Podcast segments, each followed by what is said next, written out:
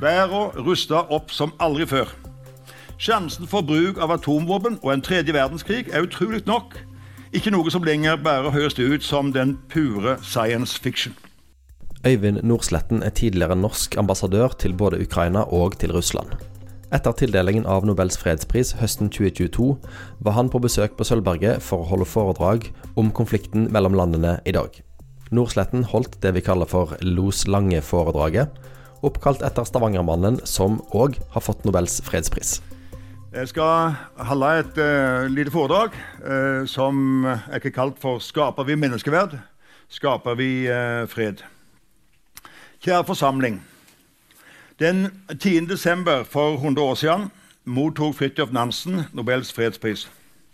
Den ble han tildelt for sin store humanitære innsats i året etter første verdenskrig, da han på vegne av Folkeforbundet ledet arbeidet med repatriering, dvs. Si heimsending, av de mange tusen soldatene og flyktningene eh, som krigen hadde spredt for alle vinder.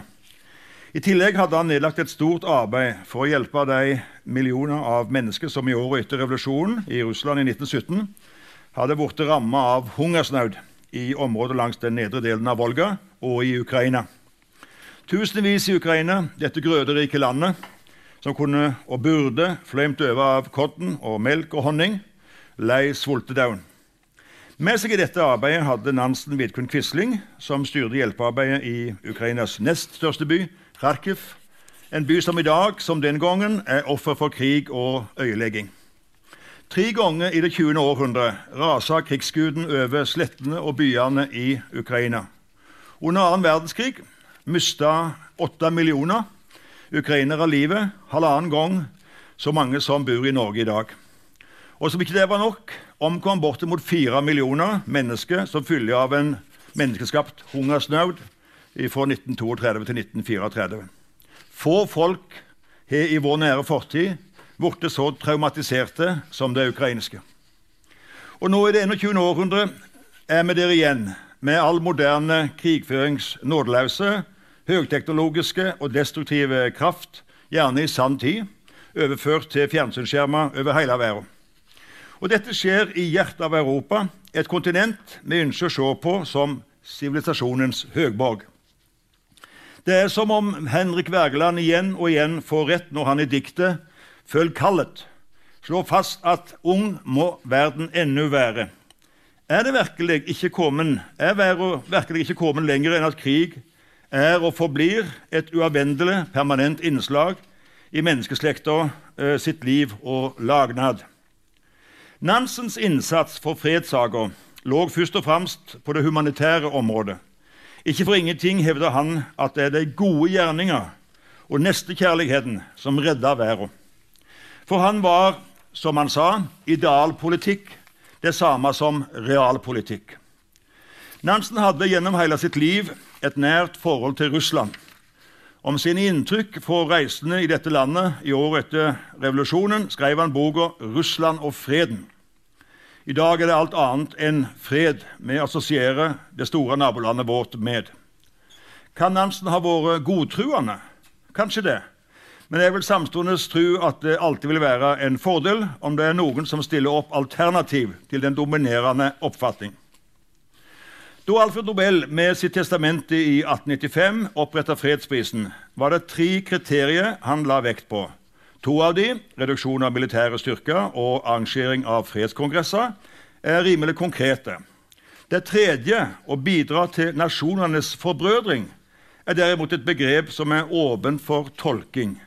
Noe som i mange tilfeller har ført til at Nobelkomiteen, ikke minst i de senere år, har gitt prisen til personer som har gått i bresjen for å fremme grunnleggende menneskeretter og fundamentale friheter. Det som gjennomsyrer tanken om at disse to begreper, fred og folkestyre, henger i hop, er trua på at dersom folkeretten og menneskerettene, ikke minst slik som de er nedfelt i FN-pakta, blir respektert fullt ut, vil krig ikke lenger kunne være svaret på løsning av konflikter. I praksis tykkes det òg i stor grad å være slik. Fullt ut demokratiske stater går ikke til angrep på hverandre, men tyr til forhandlinger og mekling i stedet for til våpen og trusler.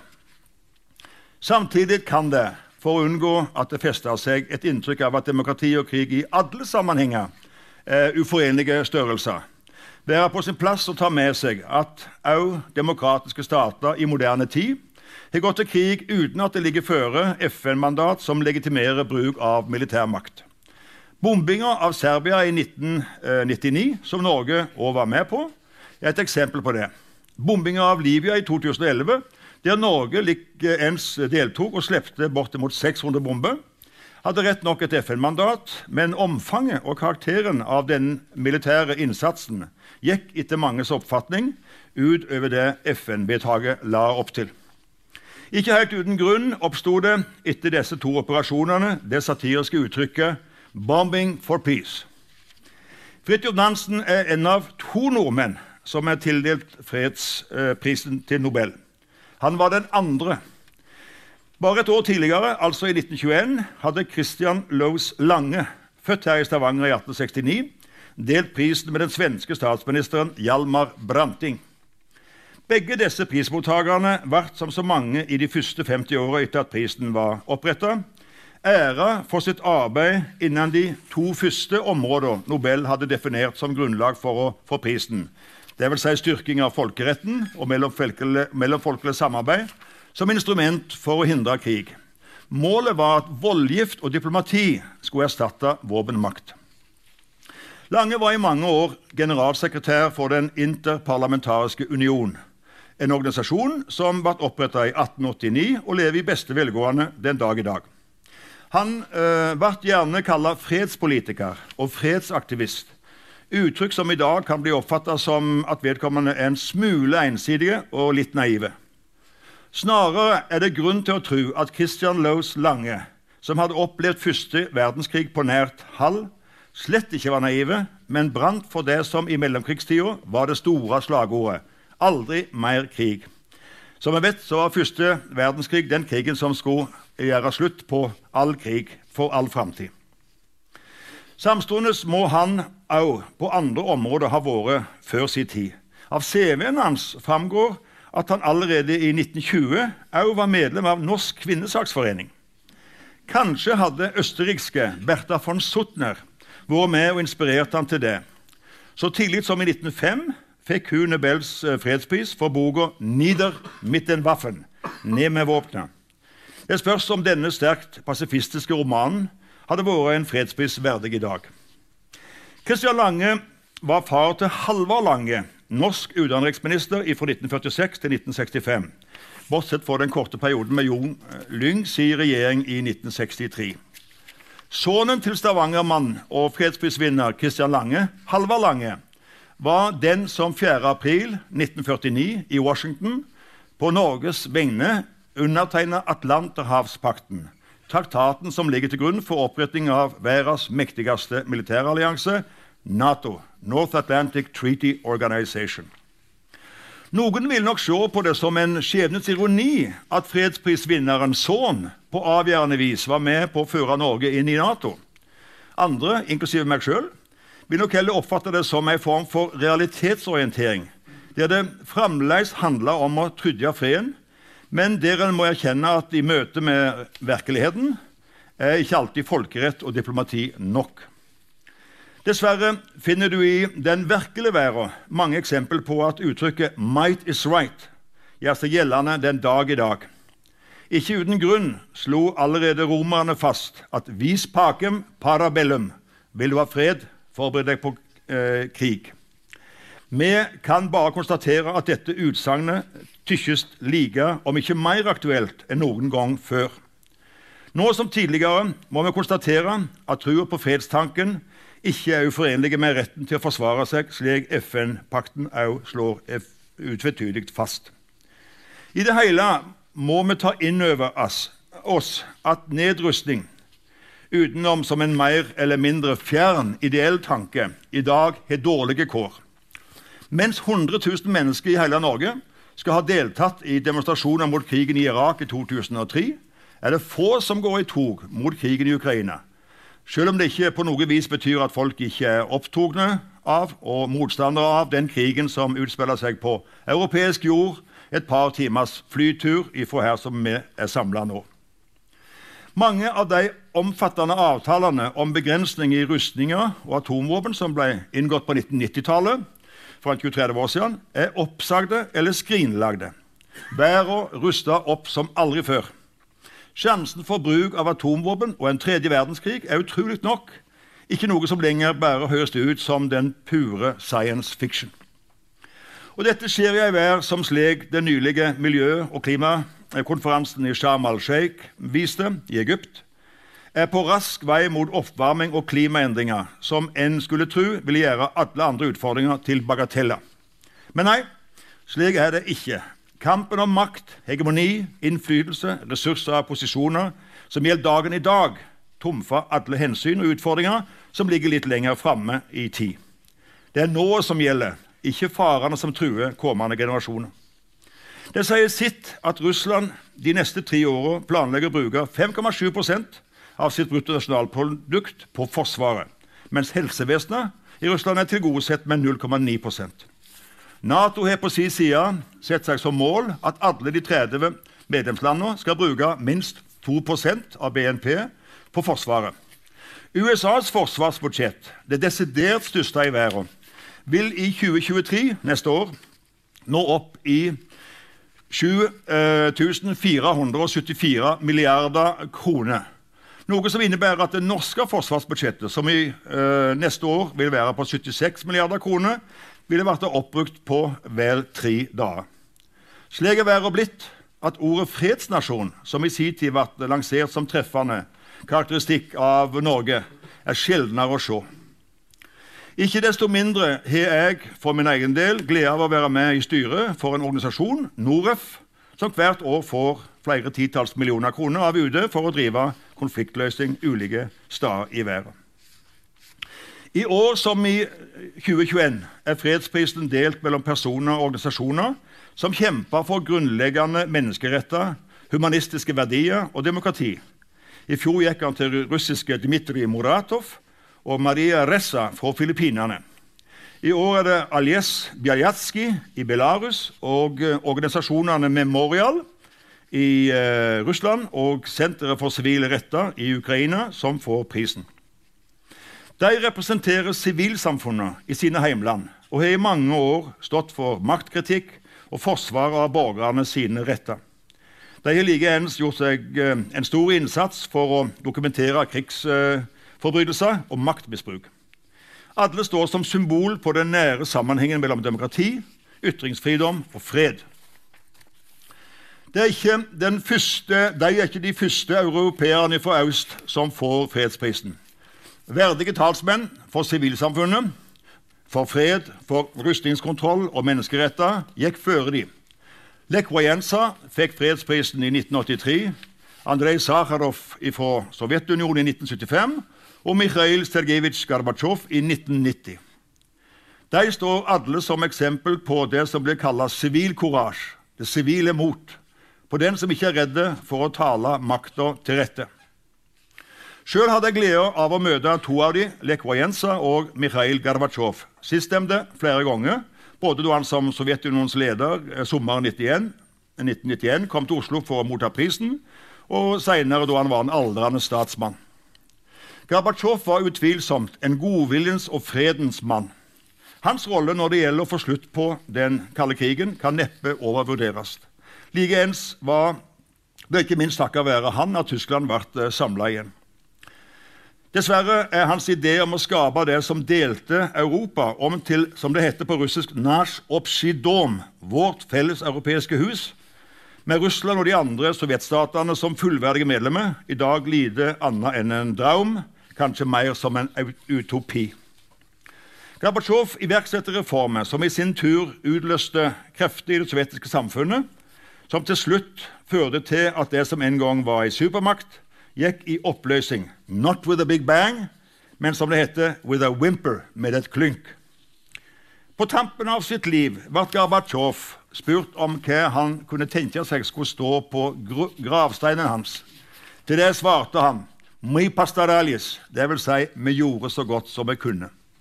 Han døde i slutten av august i år som en desillusjonert mann som så krigen i Ukraina som en tragedie både for Russland og Ukraina.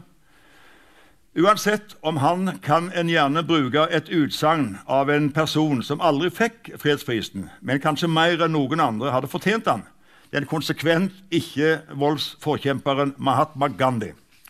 Han slo fast never underestimate, never underestimate the ability of an individual to change the world. Gorbatsjov ble ikke profet i eget land, men vil uansett stå igjen eh, som en av de ruvende og mest fremsynte, fremsynte statsmenn i det 20. århundre. Selv opplevde jeg eh, som nevnt Gorbatsjov på nært hold. Og De to gangene vil jeg aldri glemme. Den første gangen var da han fylte 70 år. Og Jeg som ambassadør i eh, Moskva var, var, invitert til å representere Norge, da, landet som hadde gitt ham fredsprisen, og var til stede på et stort arrangement til ære for han.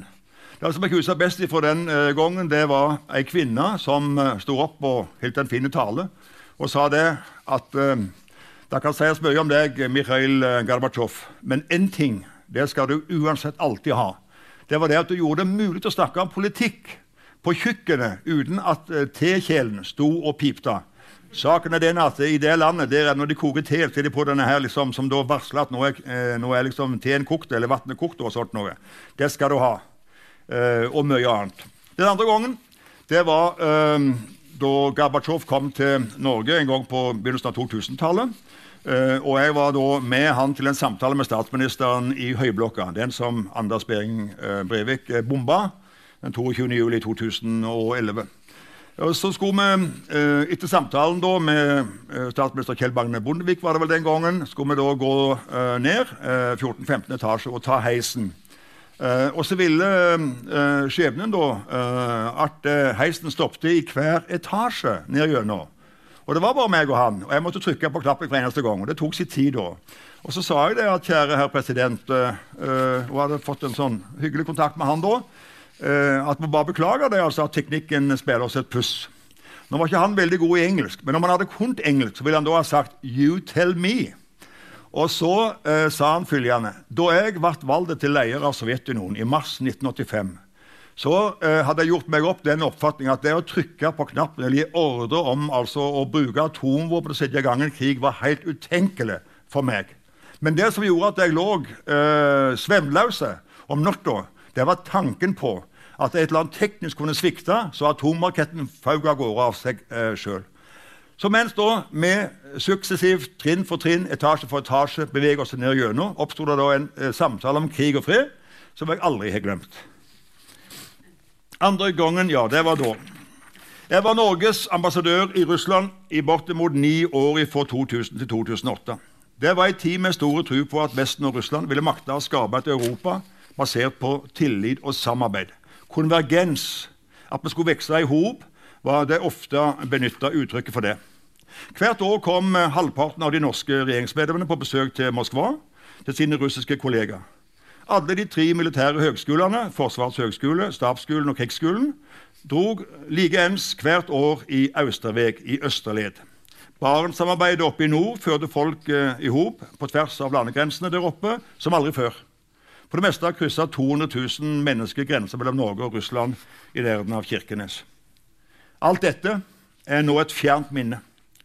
Kontakten og dialogen uh, er på et minimumsnivå. Mest det ikke-eksisterende. Samtidig er vi, som Ukraina, granneland til Russland. Vi deler ei 198 km lange grense. Ikke mye i forhold til Ukrainas over 2000 km lange grense til den store felles naboen. Men uansett, naboskapet vil for oss alltid være en dimensjonerende faktor i norsk utenrikspolitikk. Slik det er nå, er det vanskelig å se hvordan det skal kunne skje i dag. Men vi må sette oss som mål at disse grensene ikke blir som grenser mellom Nord-Korea og Sør-Korea. Det er de med våpen i hånd står og vakter på hverandre over et minelagt ingenmannsland. På et område ca. en tredjedel mindre enn Norge er det på den koreanske halvøya, altså begge landene, samla mer militære øyeleggingskraft, både i form av atomvåpen og konvensjonelle våpen, enn noen annen plass på denne jord. Det er lite trolig at vi vil havne i en lignende situasjon. Men skal vi unngå et, uh, farligere mer, at et uh, farligere og mer varig jernteppe igjen senker seg over vårt uh, kontinent, vil det kreve nytenking og konsesjoner på begge sider. Vesten ble av Russland i dag demonisert som aldri før i offisielle taler og kommentarer. Krigen i Ukraina blir endatil omtalt som kampen mot Antikrist. Vi for vår del er sjokkert over den brutale aggresjonen, angrepet på sivil infrastruktur, som mørklegger store byer og rammer den uskyldige sivilbefolkninga i milliontall. Jeg er engasjert av politiet på Bryne for å være med og registrere ukrainske flyktninger som kommer der i ganske betydelig antall. Det har kommet 33 000 til Norge allerede i år da, og venter minst like mange neste år. Uh, og Her om dagen så var det ei eldre kvinne, hun var vel en, eh, ja, bortimot 80 år. og Hun uh, hadde da standet på balkongen sin i utkanten av Kiev i 16. eller var det 17. etasje og sittet utover og så plutselig en merkelig tingest, en russisk drone med ei stor bombe som de slepte på kraftverket som lå rett etter mer der som hun var, og så forsynte den store bygningen, stor høyblokk, eh, med strøm. Og plutselig var alt svart. Eh, heisen gikk ikke. 16. og 17. etasje. Vannet kom ikke. Og ingen varme og sånt noe. Ute var det sju kuldegrader og sånt noe. Og sånn er livet der nede. Ganske uh, få, et par tusen kilometer herifra, som vi er samla i det fredelige Norge. At det er Russland som er aggressoren i et land, eh, et land som mista sjøl 27 millioner mennesker i annen verdenskrig. Altså mer enn Norges befolkning hvert eneste år. De fire årene annen verdenskrig eh, varte i eh, altså krigen mellom Tyskland og Sovjetunionen. Mer enn Norges befolkning hvert år ble drept av de sovjetiske. At det er Russland som er aggressoren, et land som mista 27 millioner mennesker i annen verdenskrig, og vært utsatt for større lidinger, lidelser og ødelegging enn noen andre, gjøre det enda mer uforståelig at de skulle starte en ny stor krig i hjertet av Europa. Er det ikke i dag langt på vei i ferd med, er ikke de i eh, dag langt på vei i ferd med å utsette sine, eh, de Ukraina og Kiev for de samme lidelsene som deres egne borgere ble utsatt for under den 900 år lange eh, beleiringa og utsveltinga av Leningrad fra 1941 til 1944? Er det mot denne bakgrunnen i det hele tatt tenkelig at partene skal kunne komme på talefot? Er rasjonell dialog mulig igjen? Fins det noen tegn til lys i det mørket som nå både bokstavelig og i overført forstand senker seg over Europa? Det umiddelbare svaret må bli at slik situasjonen er nå, er det ikke lett å se noen utvei. Likevel, når så er sagt, kan det være grunn til å hente inspirasjon og tro på at det som tykkes umulig i øyeblikket, plutselig en dag ikke er så vanskelig lenger. Eller umulig. Etter tre, år, eh, etter tre øyeliggende kriger på 70 år makta framsynte ledere, Adenhauer i Tyskland og de Gaulle i Frankrike, å innse at slik kunne det ikke holde fram. Resultatet ble Kål- og stålunionen, som i sin tur ble med på å legge grunnlaget for EU, en organisasjon som fikk Nobels fredspris i 2012. Vi kan eh, gjerne ta med at USA og Vietnam, 50 år etter den langvarige krigen i Indokina, i dag er nære samarbeidspartnere. Det er imidlertid en faktor som betydde mye for å gjøre det mulig med forsoning mellom disse tidligere fiendene. Og det er at I begge tilfeller var det en part som seira utvetydig over den andre. Slik det ser ut nå, tykkes sjansen for at det vil skje i Ukraina, langt ifra så klare. Begge parter insisterer på at de skal holde ut og nå sine krigsmål. Ukraina at landet skal gjenoppstå med sine internasjonalt anerkjente grenser fra før 2014. Russland at de skal frigjøre som de kaller det, store områder i nabolandet og såkalt denazifisere og demilitarisere nabolandet Ukraina.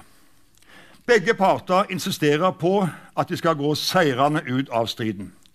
Russerne sier at de er beredt til å forhandle, men gjør det samtidig klart at det ikke kommer på tale å gi fra seg en kvadratcentimeter av de områder som de har frigjort og innlemma i Russland. Det dreier seg om ca. 18% av Ukrainas landterritorium, eh, Europas nest største land, Ukraina. Omgjort til norske forhold ville det betydd at Norge f.eks. måtte avstå Finnmark, Troms og det meste av Nordland. Grensa ville gå omtrent ved Steinkjer. Ble Ukraina tvungen til å gå med på fred på slike vilkår, er det vanskelig å fri seg for tanken om at nok en gang har aggresjon og vold vunnet fram. Might was right again. Like vanskelig vil det etter de mange hundre milliardene i våpenhjelp og finansiell støtte som er ytt til Ukraina, være for Vesten å akseptere et slikt utfall? Hvilke konsekvenser vil et slikt resultat få for Nato, verdens mektigste allianse? Og hva vil skje om det som etter alt å døme var tenkt som en parademarsj til Kiev for ledelsen i, i Moskva, ender i et slags uavgjort på slagmarka, samstående som Russland i store deler av verden ble oppfattet som en pariastat? Mangt vil nok avhenge av hvem som heller lengst ut. Som Talstoy sier i 'Krig og fred', den sterkeste av krigere er to ting tid og tålmod. Akkurat nå virker det som oppslutninga om krigen i Russland er i ferd med å minke, samtidig som ukrainerne heller ut. Men general Winther er ennå bare i anmarsj, og ting kan fort endre seg. Ingen vet, men sluttresultatet kan fort bli at det på et tidspunkt blir inngått en avtale om våpenhvile, og at styrkene blir stående omtrent der de er i dag, inklusive at russerne blir værende på de områdene de har okkupert, eller frigjort, som de sier. Da får du nok en frossen konflikt.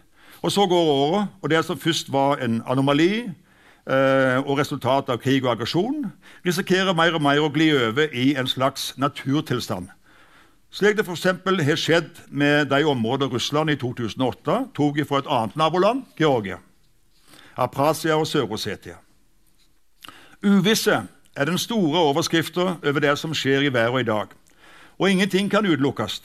Men ett scenario, som det jeg nettopp skisserte, at det ender med nok en frossen konflikt, virker i alle fall ikke mindre sannsynlig enn at den ene av partene vinner en overveldende, overveldende og entydige militære seier. Krig og fred er altså tittelen på Lef Lev Talstojs mesterverk. Om det er krigen som i dag dominerer, kan vi ikke gi opp trua på at uh, en vakker dag vil det atter måtte verte fred. Og da vil spørsmålet melde seg hva da? Hva skal, måtte, hva skal, vi måtte leve, skal vi måtte leve med en ny kald krig og konstant fare for at et uforsonlig konfliktforhold kan gå over i eh, åpen konfrontasjon og ny krig? Eller vil vi makte å legge motsetningene til side og sette oss ned og forhandle fram en ny fredsordning for Europa, ofte referert til som en ny europeisk sikkerhetsarkitektur? For litt under et år siden, 15.12.2021, kom nummer to i det amerikanske State Department, USAs UD, Wendy Sherman, til Moskva, der hun fikk utlevert to russiske avtaleutkast om sikkerhetsgarantier. En mellom USA og Russland og en mellom Nato og Russland. Begge var formulert slik at det i utgangspunktet måtte være klart at det ikke ville være akseptable for de vestlige mottakerne. USA og Nato sa seg samtidig positivt innstilte til å starte en dialog om mulige spørsmål knytta til rustningskontroll og tillitsskapende tiltak. For russerne var det ikke nok og torsdag 24. februar, en mørke dag i Europas moderne historie, gikk Russland til angrep over breie front. I går var det 81 år siden eh, Japan angrep Pearl Harbor. Da president Roosevelt kunngjorde krigen, begynte han med de berømte ordene Yesterday, December 7th, 1941, a date which will live in infamy. En dag som vil leve uh, i vanry en berykta dag. Disse ordene kan en like gjerne bruke om 24.2.2022. Hva er sjansen for at Ukraina, Vesten og Russland etter den brutale krigen kan sette seg til forhandlingsbordet, legge fiendskapet bak seg og se framover? Det er ingen grunn til å nære illusjoner om at dette vil være lett, men eh, hva er alternativet? Jeg minnes et dikt jeg en gang så i engelskboka til sønnen da jeg var ambassadør i Ukraina fra 1992 til 1996 og bodde i Kiev. Det diktet heter 'Embassy', ambassade, og var skrevet av den um, britiske-amerikanske lyrikeren Wiston Auden. Det handler om hva som kan skje når diplomati og forhandlingsveien mislykkes. Far off, no matter what good they intended, the diplomats. the armies waited for a verbal error with all the instruments for causing pain. And on the issue of their charm, diplomatene sin, depended a land laid waste, its towns in terror and all its young men slain. Når en leser slikt, kan en også komme til å fatte tanker og reflektere over hvordan det kan ha seg at europeere, alle like velutdanna og kloke som oss, kan gå til krig mot et broderfolk som de er sammenvevd med og har levd jamsides med i århundrer. Russere ukrainere og flertallet av europeere har den samme indoeuropeiske etniske bakgrunn. Vi stammer altså fra det samme folkeslaget. De fleste av oss snakker et indoeuropeisk språk som likeens har felles rot. Og flertallet deler i tillegg en felles religion, kristendommen. Og alle har vi vel et ønske om å leve i fred og lykkes i livet. Og likevel, her, vårt kontinent, er vårt kontinent preget av krig og terror i vår opplyste tid. Hvordan er det mulig? Er vi dømte til evige konflikt? Er evig fred absolutt illusorisk og utenkelig? Er vi forutbestemt til å ty til vold når vi ikke kan løse konflikt og uenighet på andre måter? På disse spørsmål finnes det selvsagt ikke noe endelig og enkelt svar. Men det kan være verdt å minnes en bok som kom ut i Laterneserien på Gyldendal en gang på 1960-tallet. 'Report from the Iron Mountain' heter den. Og utga seg for å være en rapport fra en amerikansk forskningsinstitusjon som har gitt i oppgave å vurdere om 'lasting peace', evige fred, var mulig enn si unnskyld. Det er lenge siden jeg leste denne boka.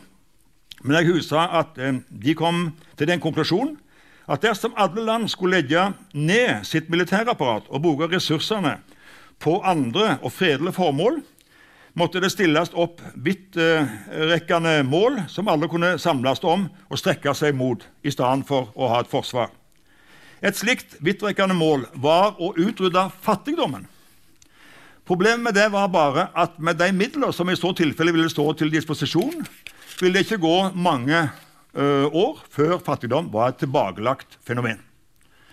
Det kan en langt uh, på vei forstå, for ifølge SIPRI, altså det velrenommerte uh, svenske fredsforskningsinstituttet, utgjorde de samla forsvarsbudsjetter til alle land i verden i 2021, i fjor, amerikanske dollar 2,113 norske billioner amerikanske trillions. Det vil si altså 21 130 milliarder norske kroner. Mest to ganger så mye som verdens største finansielle fond, SPU eller oljefond. Erobringa, eller erobringa av verdensrommet ble eh, etter det med utrydding av fattigdommen stilt opp som neste oppgave å ta fatt på. Og Denne utfordringen hadde den fordelen at den aldri ville kunne slå seg til ro med 'mission accomplished'. Om et par uker feirer vi jul. Til overmål vil det på selve julaften 24.12. være nøyaktig ti måneder siden den første krysseraketten slo ned i Kiev og i andre ukrainske byer, og russiske tropper strømte over grensa og inn i naboland. Paven og andre oppfordra til våpenhvile og fred. Lite tyder likevel på at det vil gå som det gjorde under juledagene i desember 1914, under første verdenskrig, da britiske og tyske soldater kom opp fra skyttergraven i Flandern og eh, sammen sang 'Silent Night' og 'Stille natt'. I dag er det fullmåne, og om himmelen er klar i kveld, vil vi se en liten del av de fire milliarder stjernene som er i vår galakse, Melkeveien. Med en fart på ca. 100 000 km i timen akkurat nå beveger vi oss på den årlige ferda rundt sola. Alle er med om bord, de som kriger, og de som lir. Ikke minst nå når det går mot høgtid, melder spørsmålet seg med fornya tyngde om hvordan det kan ha seg at det må være slik at mennesker ikke kan leve i fred, men med makt og valg erobre nytt land og legge andre folk unna seg. Men midt oppi all undring over dette er det på sin plass å komme tilbake til jorda og huse, eh, som det en gang var sagt, 'Keep your eyes on the stars and your feet on the ground'. Vi lever i røyndommen, i virkeligheten, eller som kapteinen på den tyske ubåten konstaterte i filmen 'Das Boot', som sikkert mange har sett. Du lebst in der Wirklichkeit, grausam und groß. Du lever i virkeligheten, grusom og storslagen. Ja, vi må kunne undre oss øh, over menneskeheten sin skjebne, men ikke drømme oss vekk. Om utsiktene ikke bare lyser, er det likeens avgjørende at vi ikke gir oss hen til desolusjon og defetisme, men opprettholder trua på at Nansen sine ord gir mening, at gode gjerninger betyr noe. For som det er sagt The only thing necessary for the triumph of evil is for good men to do nothing. Eller for å si det med vår egen Nordahl Grieg, slik han uttrykte det i sitt berømte dikt til ungdommen Skaper vi menneskeverd, skaper vi fred. Om litt går vi fra hverandre og ut i vinterdagen, der folk feires og er opptatt med sine ting. Fullmånen lyser i kveld. Polarstjerna Stella Polaris viser veien mot nord. Og Alexander Kielland ser fra sin sokkel utover Vågen, som han alltid har gjort. Fordi alt dette er så velkjent og selvsagt, kommer vi ikke på at det som møter oss der ute, er et eksempel på det noen har kalt for den høyeste form for sivilisasjon. Og hva er det? Jo, det er det fredelige, skapende, udramatiske hverdagslivet. Ikke mindre enn et under. Takk for meg. God jul. Tre på jord.